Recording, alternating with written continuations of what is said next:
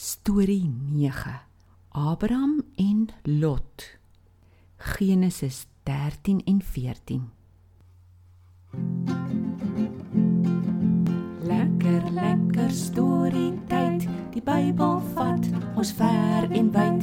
'n Stories van die ou ou tyd oor God se liefde vanaf daardie tyd. Sy liefde loop deur ons eie tyd tot Jesus kom vir die ewigheid.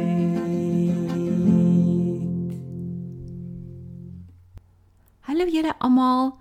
Hallo Tobias. Tobias, wat sê jy? Mm. Hoe lyk dit dan vir my jy is kwaad? Ja, Tannie. Ak en ngai ngaaitjie het gestry. Maar nou is dit sonder goor. Ai, Tobias. Ja, mens voel goor as jy met jou beste maatjie gestry het of dalk met 'n boetie of sussie. Tannie, vertel tog maar 'n storie. Dalk sal ek beter. Julle gestry laat my nou dink aan Abraham en sy broerskind Lot. Op 'n dag was daar so 'n gestryery dat hulle van mekaar af moes wegtrek. Wat? Dit klink ros. Vertel. Mats en Tobias. Abraham was 'n baie ryk man. Hy het baie skape en beeste en goud en silwer gehad. Lot was ook baie ryk. Hulle twee het so baie diere gehad dat hulle 'n hele paar veewagters gehad het wat die diere moes oppas. Die eintlike stryery het begin oor kos vir die diere. Abraham se veewagters het sy diere gevat na 'n plek waar daar lekker baie groen gras was om te eet. Maar toe hulle kyk, is Lot se vee al klaar daar. Die volgende en die volgende dag gebeur dieselfde ding. Die veewagters begin toe baie vies word vir mekaar. Hulle begin lelik stry en dit oor daar eintlik te veel vee was vir die veld daar waar hulle gebly het. Abraham hoor toe van hierdie gestryery. Hy praat toe met Lot. Lot, lyk my hier is 'n probleem. Ons twee se vee is te veel vir hierdie plek waar ons nou bly. En nou bly hier mos nog ander mense ook. Ek dink ons twee moet maar wegtrek van mekaar af. Ons is mos familie. Ons en ons veewagters mag nie so stry met mekaar nie. Dat sê Lot toe, Tannie. Lot het saamgestem en ingestem om te trek. Abraham het vir hom gesê hy kan maar eers te kies waarna toe hy wil trek. Hulle het seker op 'n berg gaan staan dat hulle mooi die land kan deurkyk. Lot sien toe dat die Jordaanstreek pragtig groen lyk. amper so mooi soos 'n tuin van die Here. Lot en al sy mense en vee trek toe na die Jordaanstreek toe. Abraham het agtergebly in Kanaan. Hy het toe by die groot bome van 'n man met die naam Mamre sy tente opgeslaan. Hy het daar vir die Here 'n altaar gebou. Och, dankie tog. Toe is die stryery verdaai.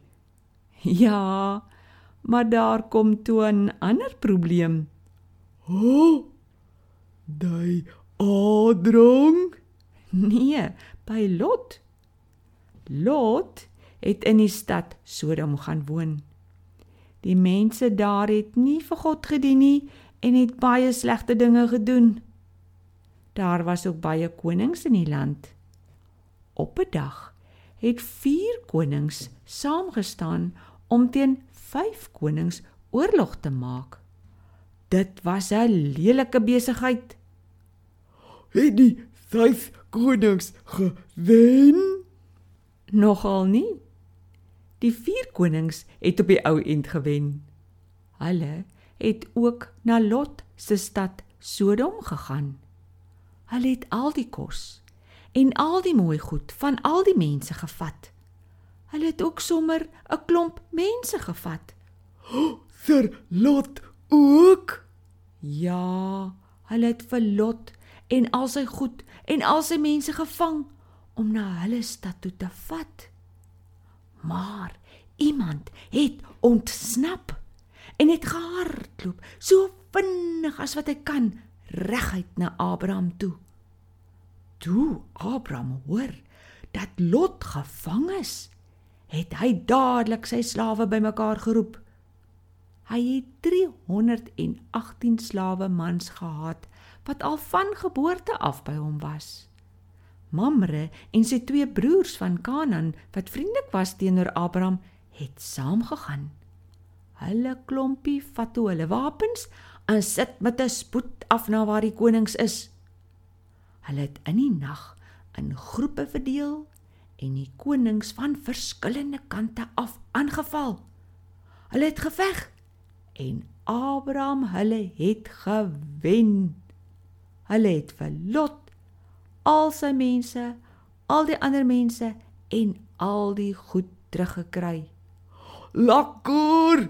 Akus daai adlai. Dat nog Adrang toe met al die goed. Tobias, daar was 'n koning met die naam Melchisedek.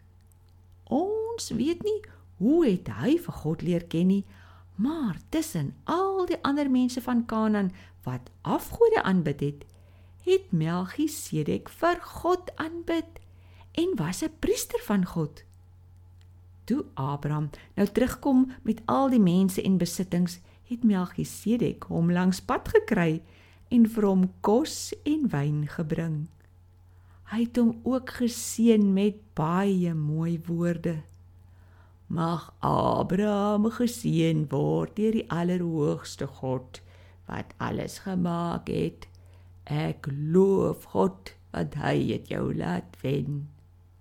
Omdat Melchisedek 'n priester van God was, het Abraham vir hom 'n tiende van al die besittings gegee. Dit is asof hy dit vir God self gegee het as 'n offer. Het hy niks vir homself gedat nie? Nee, niks nie. Die koning van Sodom wou net die mense terug hê, maar Abraham het gesê: "Koning, gee vir Mamre en sy broers wat my gehelp het 'n deel van die besittings wat ons teruggekry het." maar ek wil niks hê nie. Ek het voor die Skepper Here beloof dat ek niks vir myself gaan vat nie. Nie eens 'n skoenveter of 'n haringdraad nie. Koning, u sal nie kan sê u het my ryk gemaak nie. Sjoe, dis nou interessant. Lot en Adrangstry maar toe lot gesang word gaan help aldrang hom ja gesedek het vir god lief al dien al die ander konings as gode my god draai nou skoon dan nie die stories van aldrang is darm interessant is daar nog ja tobias Daar's nog baie stories van Abraham, maar ons kan dit nie almal vandag vertel nie. Jy sal maar weer moet kom. O, ek sien uit na nog stories van Abraham. Nou maar net, dan groet ons eers die julle. Hoe gouer ons groet, hoe gouer kan ons terugkom. Jou ou lawwe liewe Tobias. Maats, ek groet ook eers. Mooi bly. Totsiens almal.